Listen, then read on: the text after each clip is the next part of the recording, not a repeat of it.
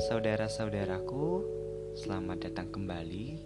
Shalom, damai Tuhan beserta kita semua.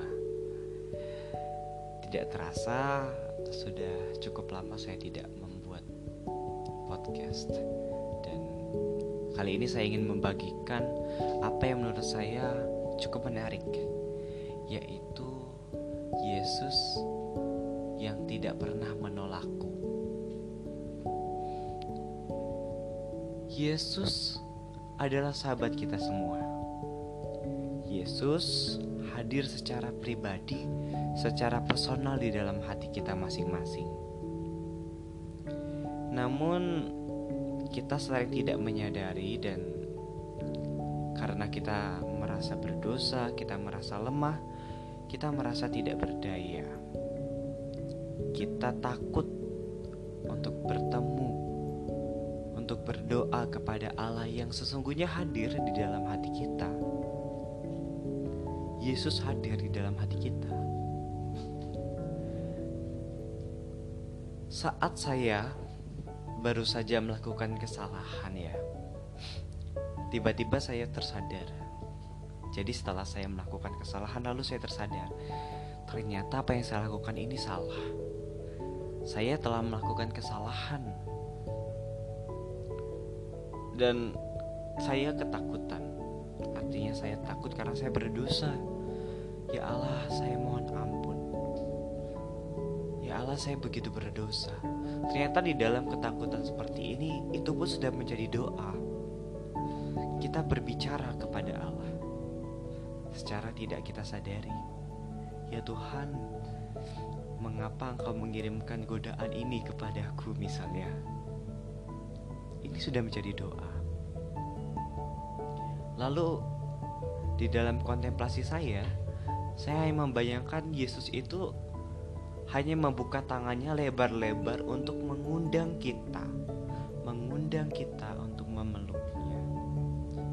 Ia ingin memeluk kita dan hanya meminta persetujuan kita. Dia ingin memeluk kita dan dia hanya meminta persetujuan dari kita, teman-teman. Ketika saya memberikan persetujuan itu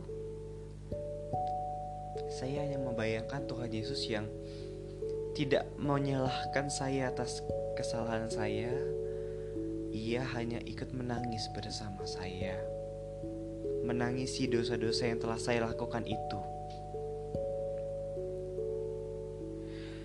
Teman-teman saya rasa ini adalah perwujudan dari sahabat sejati. Yesus yang sungguh hadir, yang sungguh menjadi sahabat bagi diri saya. Ia tidak menyalahkan, ia tidak menjudge. Yesus hanya apa ya? Hanya mencintai saya sebagai seorang sahabat. Ia tidak menyalahkan saya dan bahkan mungkin tidak berusaha untuk memberikan saya nasihat. Karena dengan kasihnya dengan cintanya itu saja yang sangat murni itu telah mengairi hati saya dengan kasih sayangnya. Itu lebih dari segala obat apa pun yang ada di dunia. Itu menyembuhkan batin kehadiran Yesus itu menyembuhkan batin, menyembuhkan jiwa kita. Ketika ia menangis bersamaku, air matanya ikut tumpah, mengairi rambutku, mengairi tubuhku, membersihkan dosaku, dan menjadikan hatiku kem kembali dinaungi oleh cintanya. Hal-hal seperti ini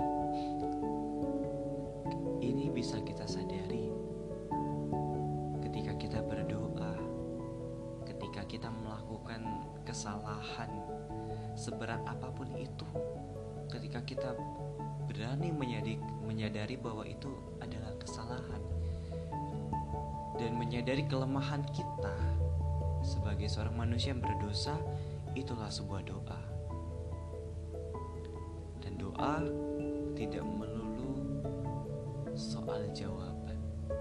Doa adalah perwujudan cinta antara dirimu dan perwujudan cinta Allah kepada engkau. Begitu refleksi singkat saya.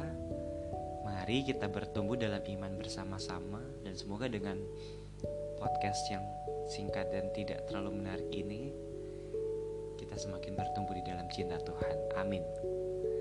Dalam nama Bapa dan Putra dan Roh Kudus. Amin. Ad Maiorem Dei Gloriam.